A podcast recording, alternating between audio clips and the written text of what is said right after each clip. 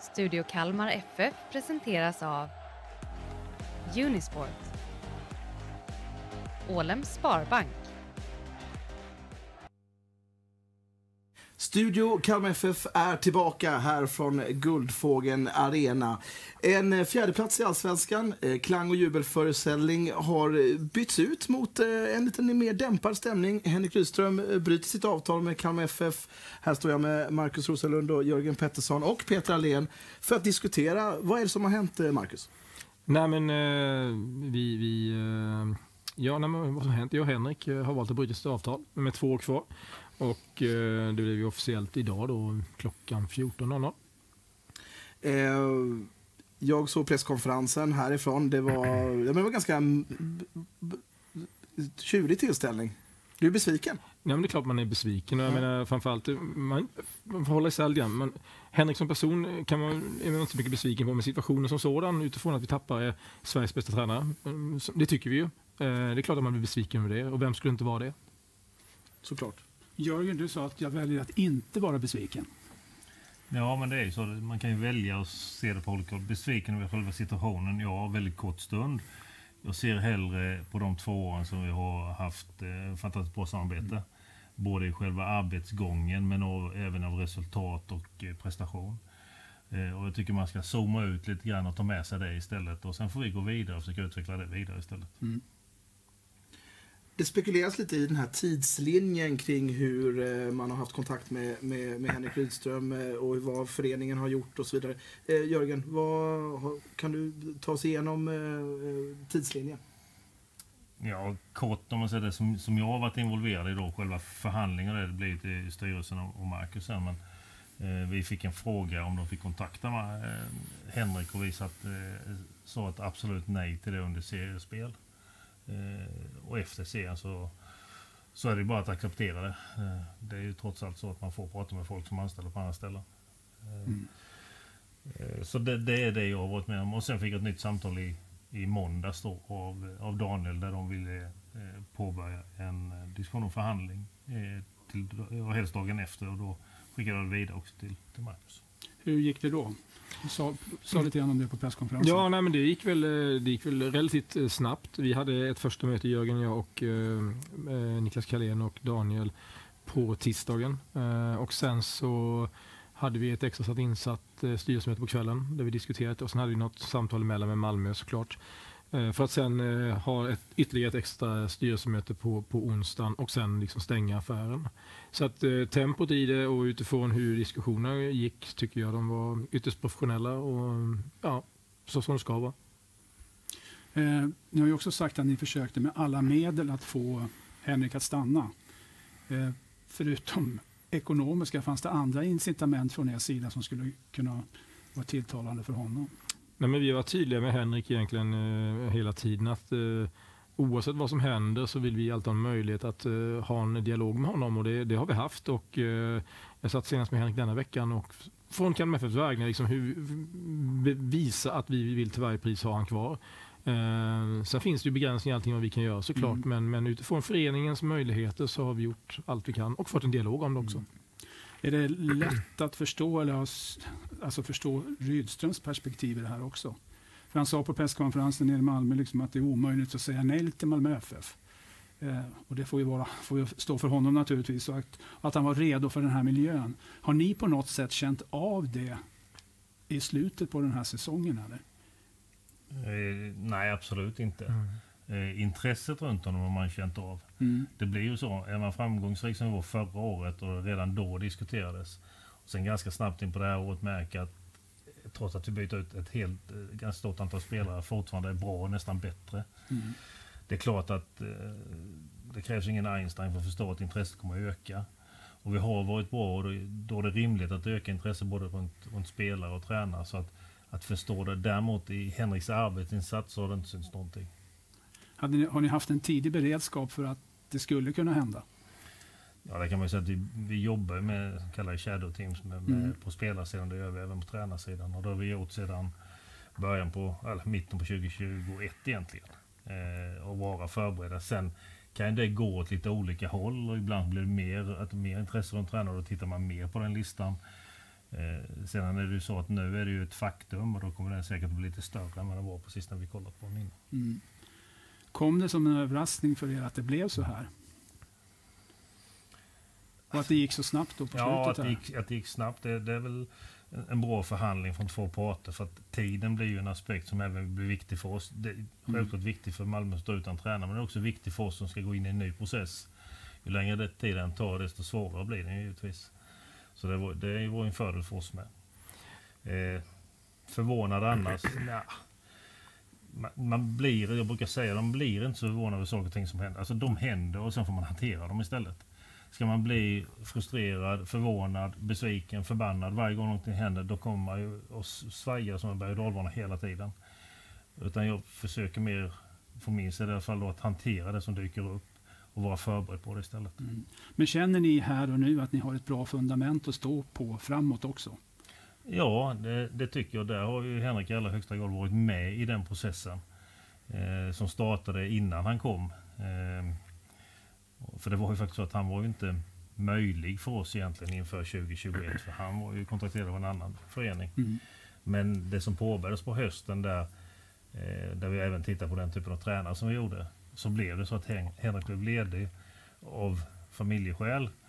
Eh, blev möjlig för oss och passade ju väldigt, väldigt väl in i det vi hade tänkt oss. Och så blev det ju ännu bättre än vi kanske hade hoppats då. Eh, så han har ju tillfört väldigt mycket av det och det har ju skapat också ett fundament på den sportsliga biten. Mm. Och sen har det gjort ett ganska stort arbete vid sidan om också så vi står på bra bas annars med tycker jag. Kan man se några konsekvenser på kort och lång sikt över en sån här händelse? Nej, men det är, det är väl som eh, vi har pratat om det flera gånger innan när vi har förlorat en fotbollsmatch, att man liksom har tid att sörja. Men den sörjningen, hur man ska kalla det, eh, har varit ganska kort eh, och vi har varit duktiga på att liksom hantera de situationer som uppstår. Det innebär att ja, men låt oss sörja, så, sen kör vi. Och då använder du den energin du får framåt istället. Och Det tror jag är jätteviktigt. Och det känner jag redan idag. Liksom att det går fort. Man går från ett läge till ett annat läge. Så att jag, nej, jag ser mer utifrån att det driver, driver och tar fram kanske andra personer som vill ta ett steg fram också. Mm. Eh, du har ju pratat med spelarna. Eh, kunde du känna av några reaktioner där? Det är svårt tolkat. Alltså det, det är så när man pratar med spelare, det är inte så att det är Någon varken är tjo och tjim när det är någonting jätteglatt och det är inte tvärtom när det är inte något. Nej, det kommer några frågor liksom hur, hur saker och ting fungerar exempelvis. Det kommer ju några spelare som frågar men hur fungerar det med tränare? För de vet hur det fungerar om sig själva. Mm. Men spelaravtal är ju helt unika. Det är en helt unik företeelse som inte finns på någon annan anställningsgrad vad jag vet eller anställning vad jag vet. Tränar ju inte, det får man ju förklara lite hur det fungerar. Liksom att man har en person som bryter sitt avtal och blir han i princip skadeståndsskyldig och det är utifrån det man diskuterar. Kan man ta det lite grann det här med hur det fungerar för tränare? Ja, krasst kan man ju säga att det finns ett avtal som är på en viss tid. Mm. Eh, och sen kan ju då träna precis som alla anställda i Sverige, oavsett om du är kock eller polis eller om du är fotbollstränare, så kan du ju faktiskt välja att vilja ha ett annat jobb. Och då säger man upp sig. Och så, så finns det ju då en, en, någon typ av skadeståndskrav på det. Skillnaden mot andra jobb är ju kanske att det finns en tredje part som ofta betalar det skadeståndet. Mm. Så kan man förenkla det. Det är därför också ersättningsbiten blir helt annorlunda jämfört med spelarmarknaden. Ja, men så är det ju. Och Mm. när det gäller så kallade transfer tränare så, så är ju inte det jättevanligt i Sverige än. Det blir ju allt vanligare ju mer som agenterna blir involverade på tränare med, vilket man också kan kanske diskutera i ganska stor grad om det är så otroligt lämpligt liksom att ha, ha en agent som har både en tränare och kanske fyra spelare i ett lag. Eh, det kan inte alltid vara så bra. Ehm, ja, men, eh, det pratas ju nu elaka tungor, eller oroliga tungor ska man säga, utifrån eh, supporterled om att det kommer bli en spelarflykt och att eh, Rydström ungefär kan bara plocka ur den här eh, fruktkorgen. eh, Sådär. En, en kommentar till, till, till de oroliga ryktena? Nej, då tror man både övertro och övertolka. Det, det fungerar inte riktigt så. Eh, det är inte så att, att eh, Sirius, eh, om man säger starkaste spelare, de, de gick ju till andra ställen liksom, de, när han försvann. Och det kanske de hade gjort ändå. Tränare är ju jätteviktig i en viss del av processen när man värvar spelare. Och det är ju egentligen när man kommer till spelarens uppgift på planen och vad man kan förvänta sig av honom. Och vad han kan förvänta sig av oss. Då vill man ju ofta ha en dialog med tränaren. Innan dess så är det ju inte särskilt ofta så de kommer, det kommer liksom på vem tränar laget. Det är väldigt, väldigt sällan. Vad får Jens Nilsson för roll i det här? Blir han en viktig brygga nu? Det, han, det är väl alltid. Nej, men han, Jens är ju med i den här. Liksom, Jens och jag och Peter eh, jobbar ju väldigt mycket med de här frågorna. Eh, och gör ju det hela året egentligen. Och där vi tittar på olika... Ja, man tittar på utveckling på tränare med, både sina egna och de, de ute. Och, och Jens blir ju viktig liksom, i när vi tittar på, han, han, är ju ändå så att han jobbar som teknisk chef, han tittar på spelarutbildning. Den ska på något vis synka ihop på den bild vi har av tränaren. Vi kan känna att vi är väldigt överens om var den riktningen går någonstans. Sen finns det detaljer i det mellan olika tränare. Det enda man kan säga det kommer ju inte bli en tränarstyrd förening. Det kommer ju inte, kommer inte komma hit en tränare som styr hur vi ska spela eh, i de eh, liksom stora dragen. Sen måste han istället sätta sin prägel och utveckla det vi har. Det är det viktiga. Eh, utifrån det resonemang kan man utgå då från att ni letar en tränare utifrån? Ja, det kan man göra om man vill. Ja, han vill ju. ja, alltså det, det är fritt val att spekulera, det gör så många. Så, men, men det viktiga för mig är att det blir liksom bra i den här eh, första, den första delen som en huvudtränare. Men där det också nu då är ju så att Stefans avtal går ut. Och det betyder ju också att det paret och huvudtränare assisterande blir väldigt viktigt att synka ihop. Vi har ju haft historiskt liksom en viss problematik med det. Dels att det har kommit ensamma tränare som har kommit till en färdig ledargrupp. Där det har suttit liksom nio stycken som har varit här i tio år innan. Det är inte helt lätt att komma in själv. Och vi har också suttit med två tränare den ene lämnar den andra är kvar men inte vill vara det. Och då ska man lösa den situationen. Mm. Så vi jobbar hårt på att de här två avtalen ska synkas ihop och de ska liksom liera med varandra. Hur ser kravspecen ut då, eller kravprofilen på den nya tränaren? Nej men det är precis det. Där. Under året tror jag att, när vi, när vi har suttit, för det blir med Henrik, vi har suttit mycket Henrik och Jens mm. kanske framförallt.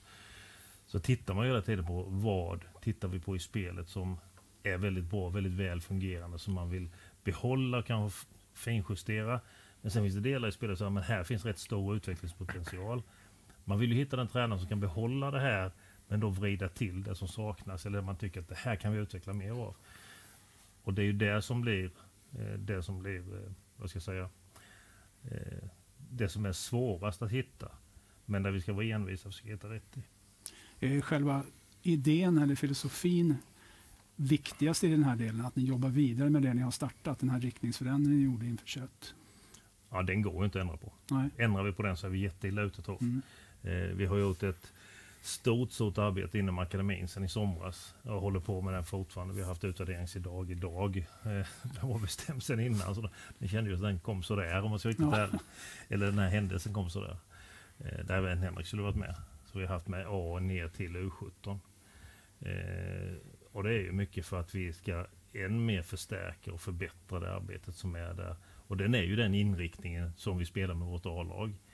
Eh, så att det, det, är jätteviktigt att vi tar vara på den och jobbar vidare med den runt också.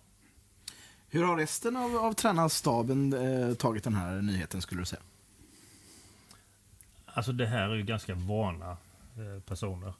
De har varit i elitidrott väldigt, väldigt många gånger. Det är inte så liksom att, eh, att de blir av med sin bästa vän. Utan jag tror att det är så att de, de de kan nog tycka att det är okej okay att han får den möjligheten och chansen och sen blir man av med en god kollega liksom, som man har jobbat ihop med under tid och det tycker man är synd. Men sen har man ett eget arbete att göra och då är det det som prioriteras. Du eh, pratar ju ogärna om avtal och sådär, men jag kan ändå inte låta bli att ställa frågan kring, eh, kring ledarstaben. Hur, hur, hur, ser du på den? Vilka, vilka kommer jobba vidare? Ja, jag hoppas ju att eh, de allra, allra flesta kommer att jobba vidare. Eh, sen är det lite som sagt avtal som går ut som vi tittar på. Alltså det är svårt att bryta ner det till att jag hoppas han börjar där eller ska göra detta. Utan vi gör en justering i hela vår organisation för att få ut ännu mer av det vi har. Vi har en fantastiskt bra kunskap. Men för oss gäller det också att ta nästa steg i föreningens utveckling. Så att vi behöver utveckla ännu fler bra spelare som vi kan bli en säljande klubb också. Eh, och det är jätteglädjande exempelvis med, med, med Rasmus. Då. Vad tänker du på med? Elm. Ja. Han ska inte spela. Nej. Nej. Va? Utveckla med Rasmus. Nej, vi är överens idag med Rasmus om ett tvåårsavtal. Eh, vilket då för de som inte vet är väldigt ovanligt med Rasmus. Men eh, som kommer då gå in i en roll som är ganska lik den han har haft. Men som kommer jobba med individuell spelarutveckling från 13 år uppåt till A-spelare med de yngre spelarna, vilket känns fantastiskt roligt. Så vi gjorde klart här idag för en stund sedan. Då, då kommer han jobba alltså parallellt med det och, och A-laget? Nej, han kommer jobba med spelarna. Med spelarna? Ja, med spelarna. Det här är egentligen när, jag satt med Rasmus första gången inför 2020.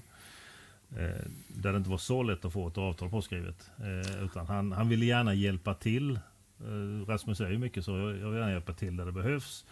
Och ta mig sist, liksom, göra de arv. Det blir löser sig alltid. Det är alltid så med Rasmus. Men då från början så var det så att han ville engagera sig i de yngre spelarna. Han var inte ett skit sugen på att jobba med A-laget egentligen. Okay. Eh, från början. Utan framförallt där runt matcherna. Han har haft de åren. Liksom. Sen var det så att vi var i ett läge 2020 där vi behövde lägga all samlad kraft till A-laget för att hänga kvar i Allsvenskan. Och han var ju med där liksom under det året. Och sen har jag hängt i och han har gjort det och varit jätteuppskattad vet jag av Henrik. Eh, för sin coachkunskap på, på bänken då. Eh, men han har ju gärna velat ta det klivet åt sidan och fortsätta jobba ännu mer med, med spelarutbildningen. Nu är han först att skriva på då. Ja, förlänga. Ja. Otroligt. Ja. Tolkar man ett eh, signalvärde här, Marcus? I att Nej, Rasmus väl, förlänger två år? Nej, men det är väl underbart att Rasmus ja. förlänger. Jag menar, vi vet ju hur han är för Kalmar FF och så. så att, men jag, jag är jätteglad att han väljer att krita på. Det var en glad kille som kom in efter att han skrev på hos Jörgen gjorde lite high five. Ja, men på, eh, det är ju helt otroligt eh, glada nyheter. Men på temat då framtidstro. Eh, du har jobbat sten, ni har jobbat stenhårt här i två dygn, råkar jag veta. Men om vi får, om vi får lyfta blicken lite, eh, vad, vad, är på gång? Vad kan vi se fram emot utifrån ett supporterperspektiv här de kommande veckorna? Nej, men först och främst så har vi ju en eh, informationsträff med medlemsmöte på tisdag. Just det. det är alldeles ypperligt att vi samlar ihop eh, oss själva, samlar ihop våra supportrar och tar ett samtal om eh, vad vi är och vad som har hänt och sen blicka framåt som du säger. För jag tror det är extremt viktigt att rikta energin åt rätt håll. Nej, men sen jobbar vi vidare utifrån, eh, Jörgen bygger vidare utifrån att bygga förutsättningar inför för 23 samt lite tränare. Men utifrån eh, FF stort så har har vi ju satt en femårsplan som vi ska beta av delmål för delmål. Och den lever ju fortfarande i högsta grad och vi har flera saker som vi ligger långt fram på och det finns några saker som vi ligger lite, lite längre och det behöver vi sätta in kraft på. Så jag tror att liksom det viktiga är att liksom fortsätta farten. Så låt oss sörja en dag, fine, men sen är det fart framåt. Och det känner jag redan på kontoret, det är full fart uppe. Det är ingen som sitter liksom och deppar i ett hörn. Utan det är tvärtom. Och det, det är så vi ser det, så att det finns massor att göra engagemanget av en ny tränare, hur påverkar det truppbygget? Jag antar att Henrik Rydström varit delaktig i den processen fram till nu då? Ja, man, man kan säga att Henrik har ju gått bredvid hela tiden och liksom mm. varit helt informerad, kunnat påverka, exempelvis när vi tittade på om man tar ett exempel när vi visste att Piotr och Sebastian skulle försvinna. Vi, även om det inte blev helt klart för en viss dag så visste vi om det. Ja, det känslan av det.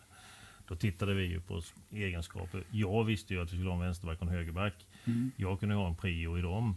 Och den bollar man ju då med huvudtränaren och då ville vi ha en ännu mer attackerande högerback och vi ville ha en mer attackerande bred vänsterback. Och därför kom ju David och, och Axel. Och det var ju mer på vilka egenskaper som tränaren söker just när man söker en ny spelare. Så då är det ju viktigt. Nu har vi en trupp där jag tror typ 18-19 spelare klara. Eh, det ligger väl ganska, ganska nära med något nytt in också. Så där kommer inte en ny tränare kunna påverka eh, särskilt mycket. Däremot kommer det finnas någon position kvar. Och där kanske man kan tveka om vi ska lägga eh, de slantar vi har på en position eller en annan. Där måste ju tränaren komma in liksom, och vara med och hjälpa till. Och så att, om jag känner att den här typen av spelare tycker vi saknar i truppen. Mm. Jag vill ha in den. Och då får man ju titta på det. Ja. Eh, har du något mer Peter? I ditt batteri? Inget just nu. Nej. Nej. Då känner jag att eh, vi, vi, vi, rundar av här. Mm. Eh, en, en, en, turbulent både dag och eh, period. Eh, the show must go on. Bryta ihop och komma igen som du sa Marcus. Ja. Men vi kan garantera er att Studio Kalmar FF, vi finns där i all evighet. Amen. Studio Kalmar FF presenteras av Unisport Ålems Sparbank.